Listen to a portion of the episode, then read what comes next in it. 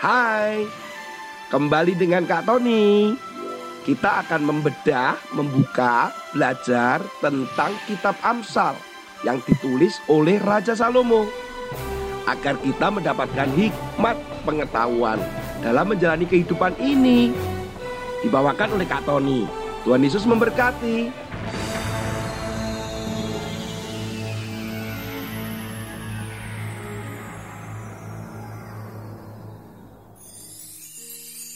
Halo anak-anak. Kembali lagi ketemu dengan Kak Tony Karena kita akan merenungkan firman Tuhan. Siapkan hatimu dan siapkan tentunya telingamu. Iya masa mendengarkan pakai mulut Kak Tony? Mendengarkan juga pakai telinga. Tapi ingat yang juga lebih penting dan gak kalah penting nih Yaitu hatinya dibuka Waktu kecil, Kak Tony ketika sekolah di sekolah dasar, Kak Tony ini selalu dipilih menjadi ketua kelas. Tahu kenapa? Menjadi ketua kelas karena tubuhnya Kak Tony yang tinggi besar. Nah, juga Kak Tony meraih beberapa prestasi terutama ranking di dalam kelas. Kak Tony mendapatkan ranking satu, ranking satu, ranking satu. Wah, itu yang Kak Tony seneng dan bangga anak-anak. Tetapi itu lama-lama menjadikan kesombongan buat Kak Tony. Kak Tony merasa yang paling pinter. Kak Tony merasa yang paling besar. Kak Tony merasa yang paling kuat. Nah, kesombongan itu lama-lama menjadi sesuatu yang tidak enak karena mulai dibenci oleh teman-teman, Teman-teman mulai tidak suka dengan Kak Tony dan bahkan mereka juga bermusuhan dengan Kak Tony. Eh, ngomong-ngomong masalah sombong itu, pernahkah kalian juga mengalaminya? Mungkin kalian pernah menjadi juara olimpiade atau pernah menjadi juara kelas seperti Kak Tony. Dan kemudian menjadi bangga, apalagi akan kelihatan kalau kesombongan kita itu saat ada orang yang bisa lebih dari kita. Atau mungkin ada temanmu yang lebih pandai. Atau ada temanmu yang lebih kuat. Kamu mulai membencinya. Nah saat itu kelihatan bahwa kita ini terlalu sombong. Nah anak-anak berbicara juga masalah sombong. Kak Tony pernah membaca dan mendengar tentang seorang artis. Artinya seorang penyanyi yang terkenal pada zamannya tentunya ya. Kak Tony juga belum lahir, apalagi kalian. ya. Yaitu di sekitar tahun sekitar 60-an. Yaitu seorang penyanyi bernama John Lennon yang memiliki sebuah grup musik namanya Beatles. Nah, John Lennon ini adalah seorang musisi penyanyi yang sebenarnya hebat sekali anak-anak. Dia adalah orang Inggris, kelahirannya di London. Dia membentuk sebuah tim musik atau grup musik yang terkenal itu di seluruh dunia, bayangkan. Banyak orang mendengarkan musiknya karena memang lagunya enak sekali anak-anak. Karena dia sudah terkenal dan begitu banyak rekaman dan lagu-lagunya banyak didengarkan oleh orang, ternyata membuat satu pernyataan atau sebuah statement ketika diwawancara oleh salah satu surat kabar.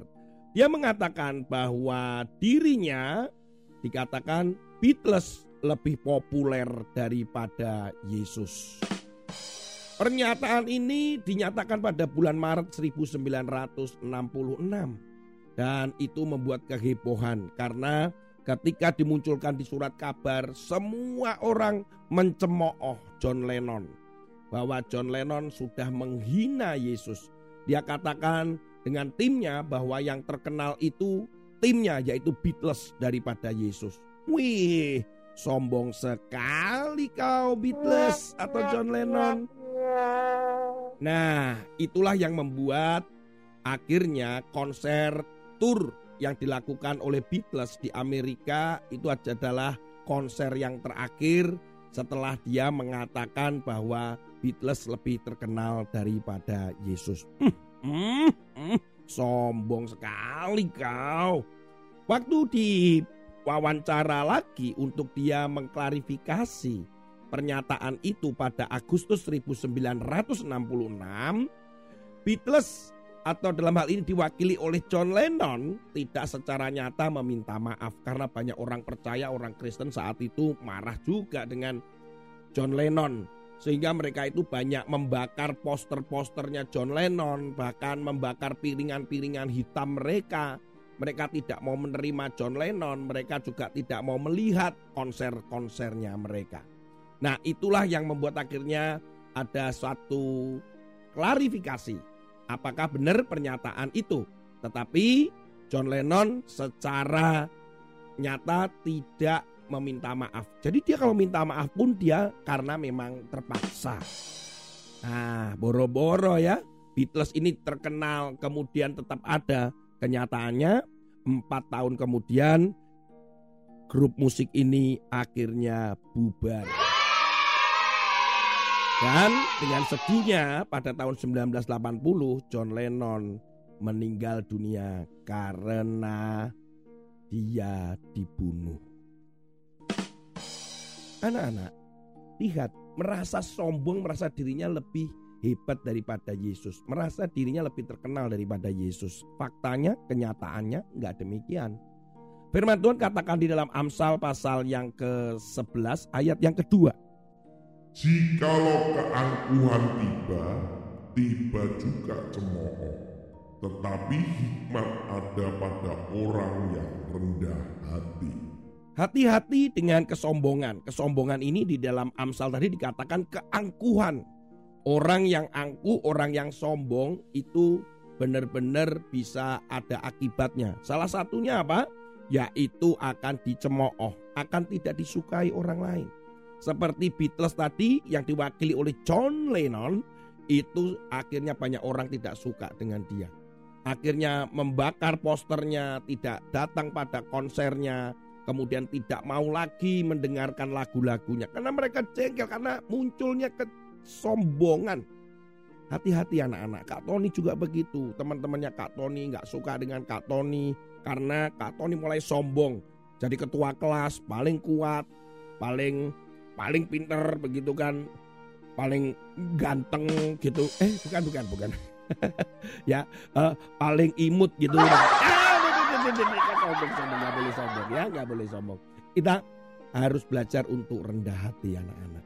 Kita harus belajar dengan rendah hati. Firman Tuhan katakan itu kita harus belajar benar-benar di dalam kerendahan hati.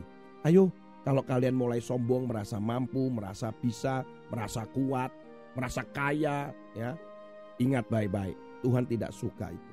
Dan itu akan bisa mendatangkan olok-olokan dari orang-orang di sekitar kita, teman-temanmu dan yang lain. Jadi harus belajar untuk rendah hati. Ayo kita rendah hati yuk. Dan lihatlah banyak orang yang akan eh, berteman, bersahabat dengan kalian. Tuhan Yesus memberkati, ingat tidak boleh sombong.